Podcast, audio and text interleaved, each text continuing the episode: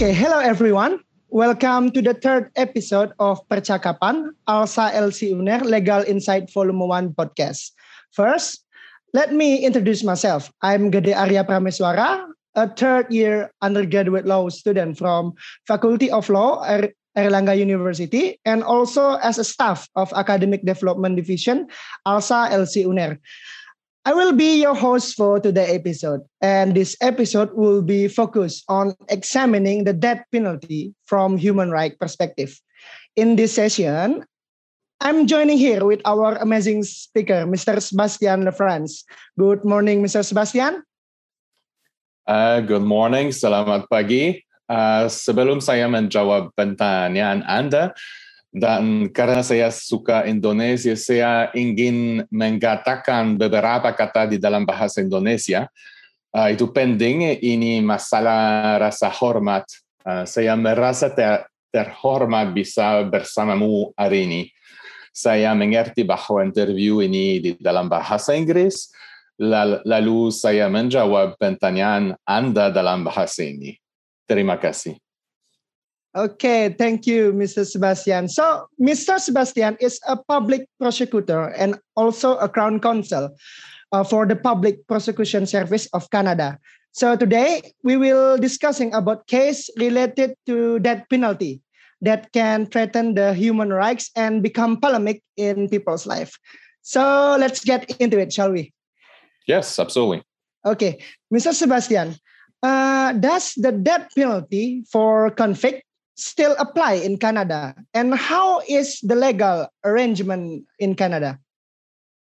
Uh, so first of all, no, it's not uh, death penalty. It's not uh, applicable anymore in Canada. Um, but just to to give you an historical background a little bit, uh, the, the, there were in the past it was uh, in force. Uh, it, it, was applicable to to mainly four offenses, namely murder, treason, uh, making war against Her Majesty, which is which sounds a bit uh, outdated and old-fashioned right now, and also it applied to to rape. So basically, four offenses. Uh, but in 1976, uh, the the Parliament repealed uh, the criminal code provisions about the death penalty and basically corporal punishment sentences. Um, and the last person who was executed uh, for a, a, murder case. It was in 1962. So this is a while ago. So basically, in 1976, Canada abolished the death penalty, but still, just in uh, to give you some numbers, uh, in total, a 1,481 people were sentenced to, to death, and 710 people were executed. But that said, in 1987, uh, so a bit closer to us nowadays. Uh, there was a parliament motion trying to reinstate. Uh, reinstating means to uh, adopt again death penalty to to punish uh, offenders and convicted for specific offenses, but it, it didn't pass in parliament. So um, something that is very important. We'll get back to it later. I assume this morning, but it must be noted that in 1976, like I said, death penalty was abolished. But what we, it must be connected also to the adoption of the Canadian Charter of Rights and Freedoms. Let's keep in mind for now that the charter, uh, which basically provides for uh, fundamental rights in Canada and freedoms, was uh, adopted six years after the abolition of death penalty. And so it was adopted, the Charter of Rights and Freedoms, in 1982.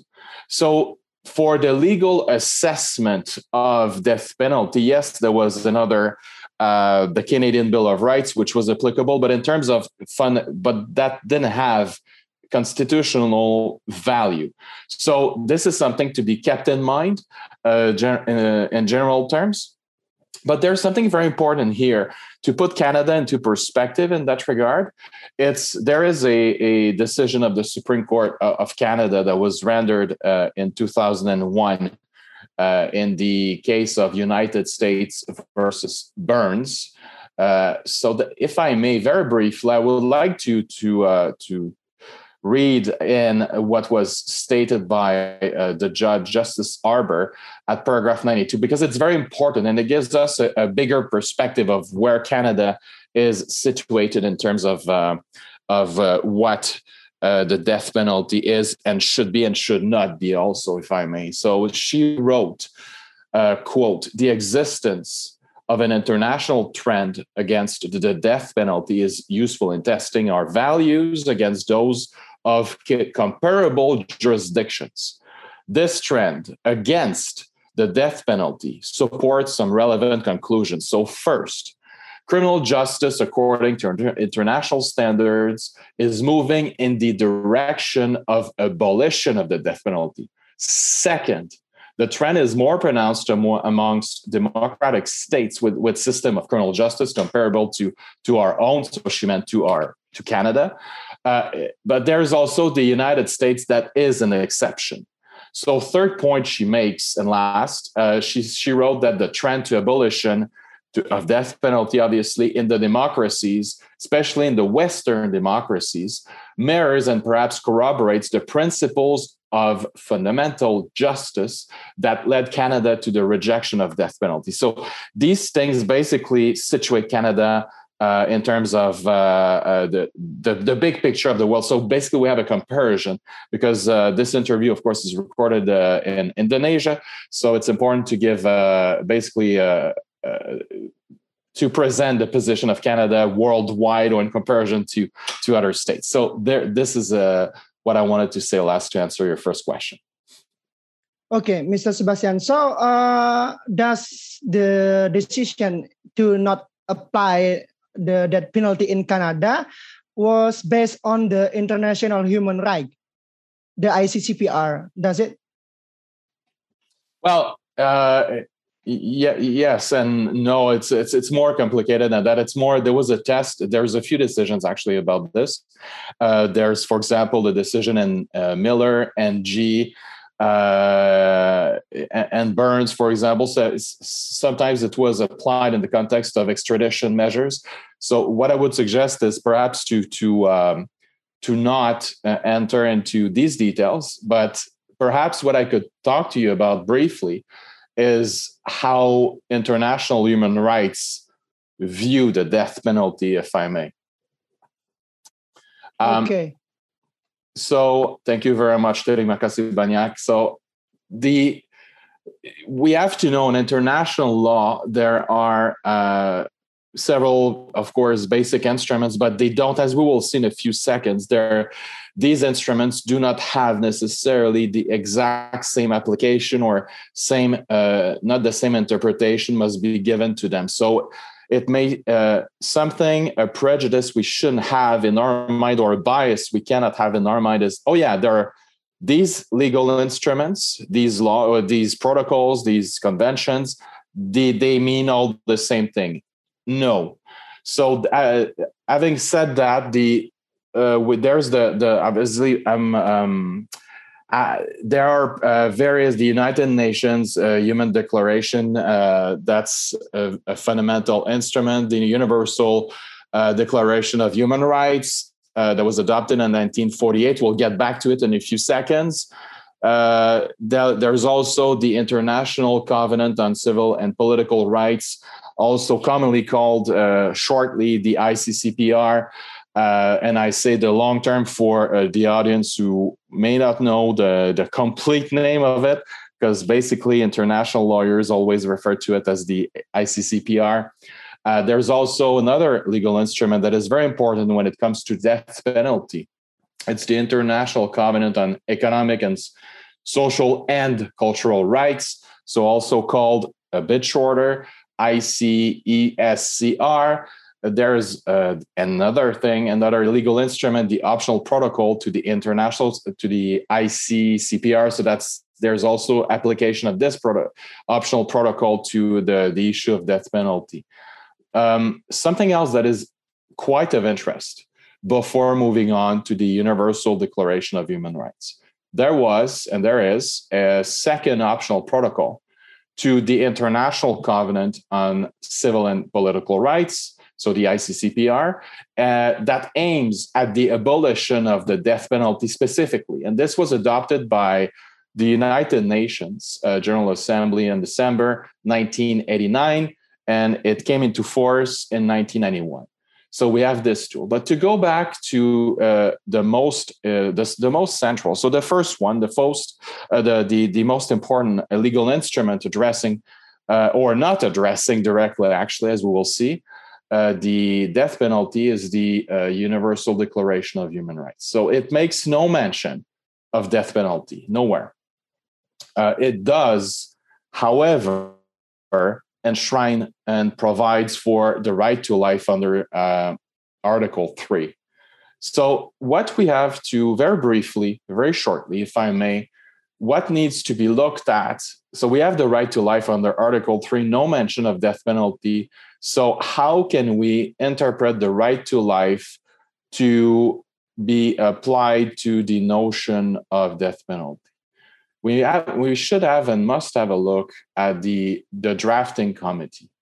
What needs to be kept in mind is there were three general approaches that were considered by the drafters of the UN UNHR, um, so the United Nations Human the Human Rights Declaration.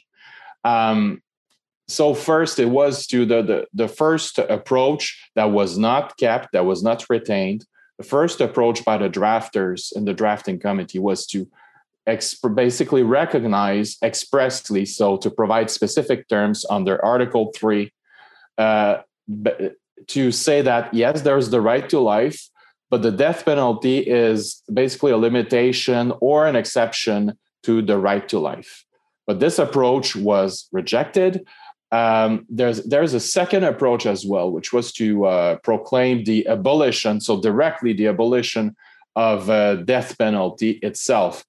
But uh, the problem with this view, and remember, we're in 19 uh, in the 1940s uh, before, uh, so nowadays it, maybe may seen as easy and uh, to make a connection between right to life and the abolition of death penalty. But because at that at the time and still nowadays, as you know, um, as it also applies in Indonesia, sta- states were not all in favor of the abolition of state uh, of uh, death penalty. So the second approach to proclaim clearly the abolition of death penalty was not retained. The solution that was retained was the third and the last one, so basically, a position of compromise. And we're still talking about Article 3 about the right to life. So the compromise position was to make no mention under Article 3, as it is nowadays, uh, about the abolition or retention of death penalty. So basically, leaving out under Article 3 a, somewhat of an ambiguous uh, approach. So, the one approach that needs to be interpreted uh, by the courts. So, this this is key here. So, basically, this is not necessarily why, but as we will see and move on uh, during this interview, there are some uh, areas of unclarity when it comes to uh, death penalty. So, it's not a Manichaean approach that must be applied, not black or white approach. It's not clear as it may seem for for some people sometimes. So interpretation of the right to life is not uh, an obvious thing to do. Okay i see mr sebastian but i'm so curious. Let's get back into the past. Uh, in the past what kind of crime are punishable by death under the canadian law what kind of crime i know the serious crime was ha- having a limitation, then what kind of crime are able to punish by death? Uh, well, in, in, Canadian law, uh, as I as I said earlier, very briefly, it was the most serious crimes. I, to use something that I will refer to after, if I may. Uh, of course, it was not uh, described as most serious crimes as the legal expression we know nowadays but it was considered as such. So it was a murder, uh, so killing someone, uh, treason, so betraying your state, uh, making war against Her Majesty, so basically trying to overthrow uh, power in the state because uh, Canada was and still is a, a, constitutional monarchy. And the fourth and last offense that was covered then by by the, the death penalty, the punishment of death penalty was rape. Now, rape, just to give you some clarity, rape is not provided by the criminal code anymore. However, uh, it is uh, still, of course, provided in different terms in the criminal code. So, under section 271, 271 of the criminal code, now it's uh, called sexual assault, but it does have a, a broader uh, interpretation because at the time, uh, various sexual types of offenses were uh, detailed in the criminal code. Now, besides the abuse of children uh, uh, that's still covered under uh, different sections of the criminal code namely uh, section 151 more generally uh, section 271 applies to all sexual assaults in general in broad terms uh, but let's not delve too much into canadian law here the details of criminal law of canada um, but i assume that you may want to know also if I may, uh, what crimes are also punishable uh, by death. So, but now I did talk to you about Canadian law, but I assume that you would be interested to know about uh, how it's applicable in international human rights, if I'm correct. Yes, yes, sure, sure, Mr. Sebastian. Okay, um, thank you. So, um, one article that is very important in the ICCPR, just to, to remind you, the ICCPR is the International Covenant of uh, on Civil and Political Rights. So, very important article to to turn our mind to. It's Article Six, Paragraph Two. Um, so basically, death penalty pursuant to to this article should only uh, apply be imposed for the most serious crimes. But this term, and I did say earlier that uh, there's some interpretation uh, issues related to Article 3 with the right to life.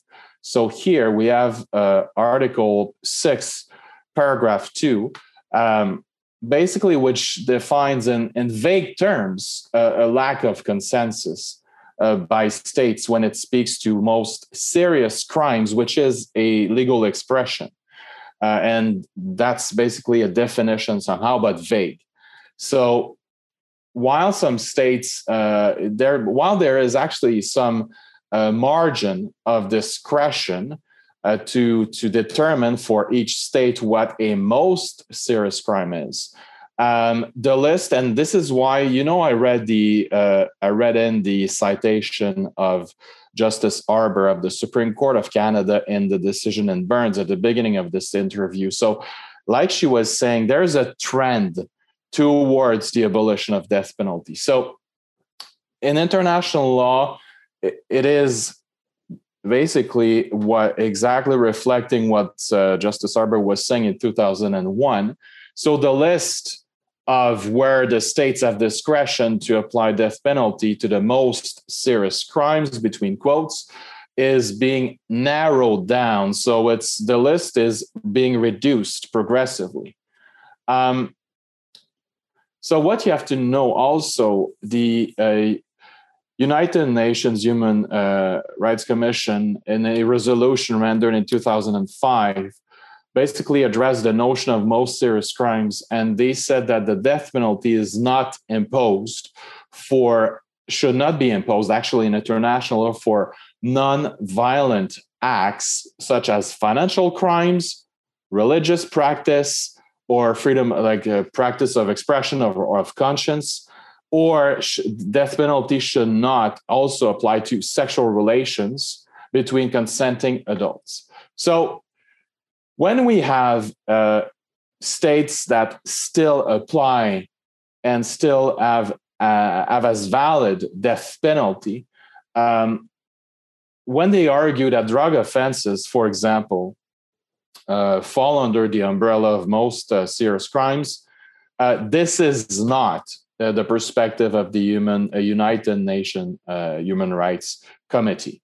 So this committee basically the committee has stated on numerous occasions, several times, that drug trafficking, for example, um, was an offense that, and they say it this way, that it cannot be characterized as the most serious.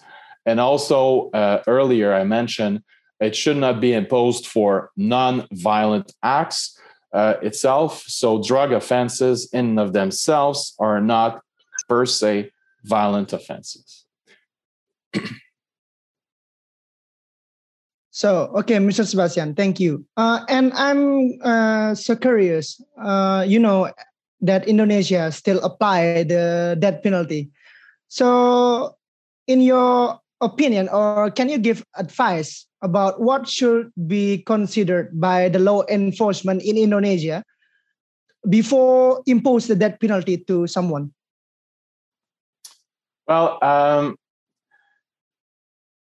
uh, just, yeah, um, just to to help the audience, uh, when you say that it does still apply, to be more specific, if I may, very respectfully, uh, it does still apply the death penalty. So let's, for example, let's have a look. Uh, or we we're not going to have a look now, but let's talk about. I'm sorry about the narcotics law of the of the the Republic of Indonesia, number 35, 2009. So this is then the official name of uh, the act that basically provides for optional death penalty. Uh, before, and I will answer a question, no worries. Um, uh, so the narco- narcotics law of the Republic of Indonesia, number 35, 2009. So as I said, discusses optional death penalty. What does it mean optional? So basically there's the, the possibility, and there's a, a big list I will not tell you because it's it's boring to list it all in an interview, but basically uh, very summarily, but it's not a complete list, but uh, people who uh, produce, process, uh, sell, buy uh, various drugs, uh, so hard drugs, but including also marijuana, may be sentenced to death penalty. Um, that said, that law in Indonesia is the provides an optional death penalty. So that means it's not necessarily death penalty; it can be a jail uh, sentence. So now to move on to answer directly uh, your question regarding um, what law enforcement can do. If I may, uh, let me just um, just give me a few seconds, if I may ask. So there is uh, an Indonesian author who wrote basically define very briefly uh, what uh, law enforcement is, because we we must first understand what that means, right?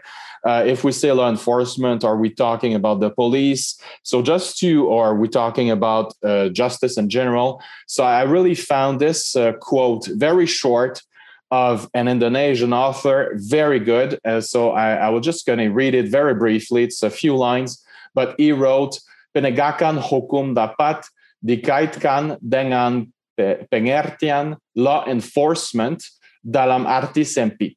Sedangkan penegakan hukum dalam arti luas, dalam arti hukum material diistilahkan dengan penegakan keadilan.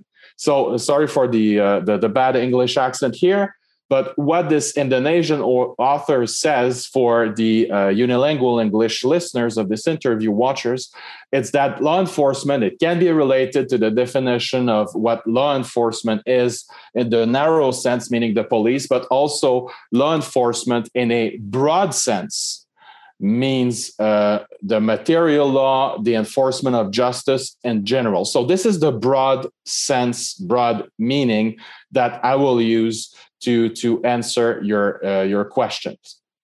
So basically, to address now your questions directly about what are steps can be done by the the law enforcements, uh, or uh, there's um, regarding the restrictions actually of the scope and the use of death penalty. So basically, what law enforcement or justice is said in different more general terms must keep in mind uh, so there are safeguards. So eh, there are safeguards when for states like Indonesia that apply or may apply death penalty. So there are safeguards guaranteeing the protection of the rights of those uh, people, offenders who face death penalty. So I will go through them. There are nine of them. I will go through them briefly. Um, this list was basically provided by a resolution in 1984, resolution of the United Nations human rights. So first, and we talked about it, so we'll go uh, we'll go very briefly about this one. But the first one is it must death penalty must be applied only to the most serious crimes. But again, and uh, and only imposed it should the scope of this most serious crimes legal expression should not go beyond intentional crimes that have lethal or extremely grave consequences. But again, it's still vague. So there is there could be a debate. We're not going to have this debate this morning, but there could be a debate about the drug offenses, as we said, for example, or financial crimes also, to which in some states, I believe uh, in Indonesia, perhaps maybe not in i'm not sure about indonesia but uh, financial crimes death penalty may apply depending corruption offenses i think it does apply death penalty in indonesia as well so first one of the safeguard uh, when applying death penalty it's it's only applies to the most serious crimes but with the caveat and uh, what I, I talked to you about earlier this morning the second safeguard so, in order to uh, that the law enforcement people should keep in mind is uh, it may be imposed only for a crime for which the death penalty is prescribed by law.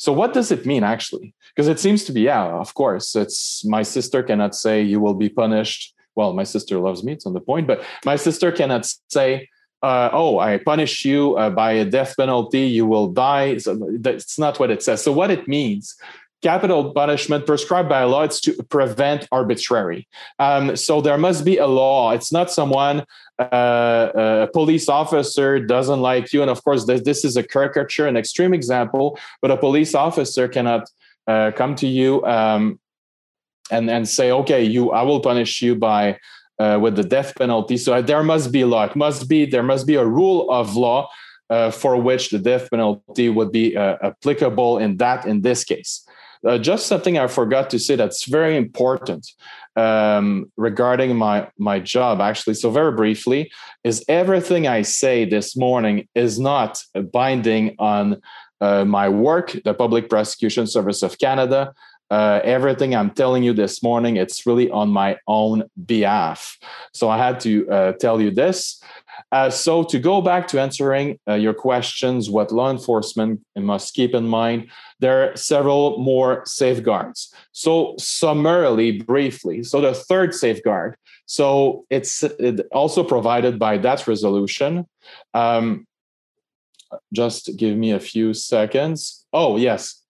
Okay. Um, okay, perfect. Yes, sorry. So, uh, death penalty does not apply to uh, to people under 18 years of age, to people with uh, that are considered insane with mental limited mental capacity. Uh, there, uh, there's the right to a fair trial that also must be considered. Uh, the right to to there, but et cetera, et cetera. But one very important, and then I will stop there.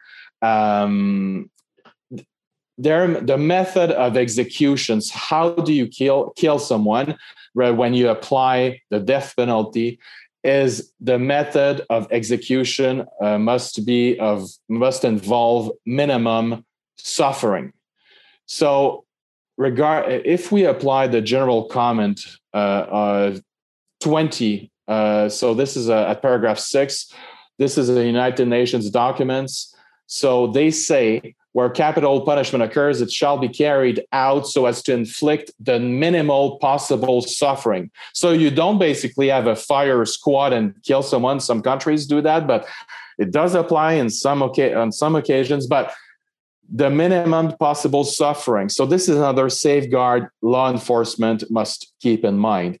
Or uh, there's a case that uh, basically uh, is the case of NG versus Canada. So the basically a practical example here, the United Nations Human Rights Committee concluded then that uh, execution by gas asphyxiation. so that's another method of applying death penalty, uh, would not meet the test of would not meet the test of being at least the, the least possible physical and mental suffering uh, basically constituting a, a, a, cruel and inhuman uh, treatment.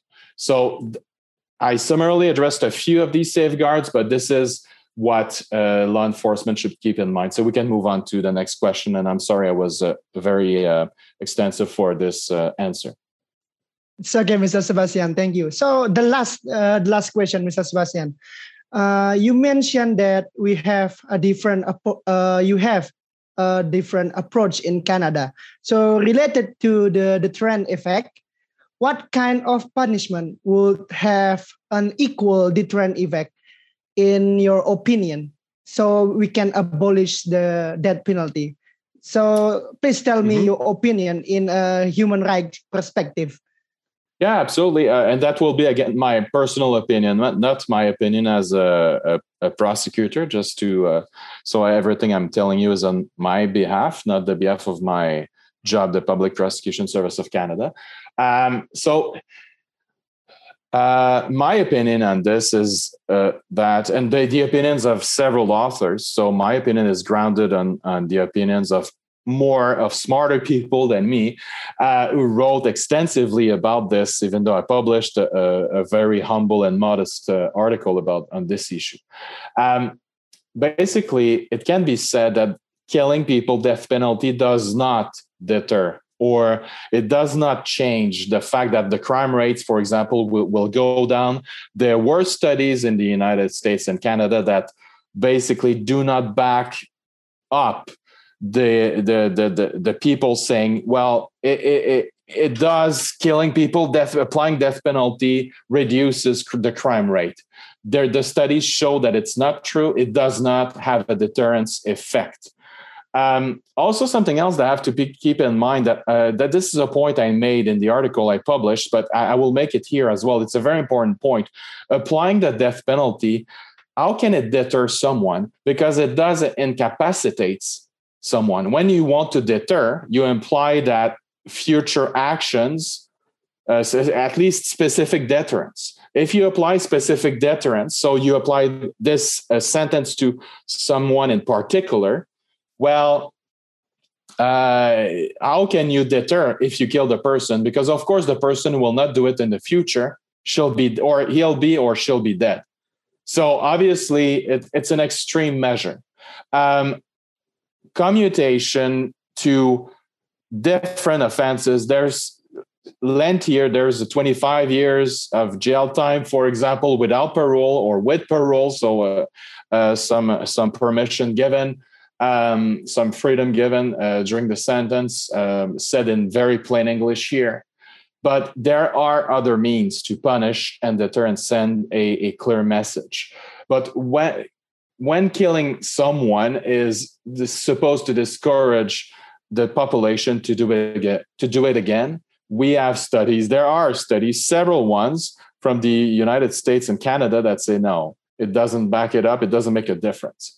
So, in terms of um, of what principles, very briefly, uh, and I will go. Uh, I will go uh, over uh, what says international law very briefly in a few terms and what Canada does apply. So, when uh, considering deterrence and denunciation, there are several principles that must be applied. Uh, in international criminal law, very uh, shortly again there's the decision of uh, Tadic of the appeals chamber also another decision of the international criminal court of uh, Blaskic uh, rendered in 2000 so they they basically use several principles incapacitation is one of them but of course deterrence retribution rehabilitation, et cetera, et cetera, et cetera. So they're and they're not necessarily uh, given the same. Uh, there's no. Um, there's not a most important principle that comes first, uh, and uh, the, the, let's say deterrence, and uh, another principle that comes at the very bottom, very end of the latter, let's say rehabilitation. So there's no hierarchy; they must all be applied there, and they're applied differently. In some instances, there are uh, general deterrence is given the first place. In some other instances, some other examples, not uh, the first place. So the same applies in Canada. Same principle ideas apply in Canada. So several sentencing principles must apply. Uh, so it must be proportionate to the offense. There are mitigating factors, et cetera, et cetera. So I'm not going to to delve into all these principles uh, in detail. But the, what is in Canada very important to keep in mind is beyond further, and I'll finish on this beyond and further than this. Uh, not only can we impose, uh, can the court system, the judicial system impose other sentences than death penalty? For example, a lengthy, a very long time jail sentence. But in addition, uh, the Supreme Court of Canada said, and I'm I, i am not going to cite the decision, but it's the decision of uh, Proulx P R O U L X that stated that they're all available sanctions other than imprisonment uh, that are reasonable in the circumstances should be considered. So you have to look at the crime. So there's we saw today different factors. So first of all, are we in a situation of a most serious crime? Let's say we're not in Canada. If yes, um, does it comply with international law? In some cases, uh, for example, um, in Indonesia, uh, drug offenses, the United Nations recommended the, to Indonesia that uh, there's a, a, United Nations document, but they say no, Indonesia should not apply uh, death penalty to drug offenses because it's not shouldn't be considered as one of the most violent crimes. So th- once we we we consider that for states that retain this, what about their sentencing principles, and what kind of other sentences could be applied? But Indonesia does that, right? So as I said, the law of narcotics 2003 if i'm not mistaken. I, I forgot the year but the indonesian law of narcotics as an optional optional death penalty. So it doesn't if you commit the crime you're found guilty of it death penalty may not be imposed on you. So it may be a very uh, substantial jail imprisonment jail time imprisonment that's imposed on, on the accused uh, but it will not be necessarily be a death penalty. So the, the, there are many principles about this. So I will stop here because this entire uh, uh, question may may call for several hours of discussion. And uh, of course, uh, I will, will, keep it short for, for now with you this morning, or this afternoon, or this evening. I guess it's this evening for you at this time. Terima kasih banyak. Okay, thank you, Mr. Sebastian. So I can conclude that we have to abolish the death penalty because it is against the human right, and there was a different approach to provide a deterrent effect on criminals.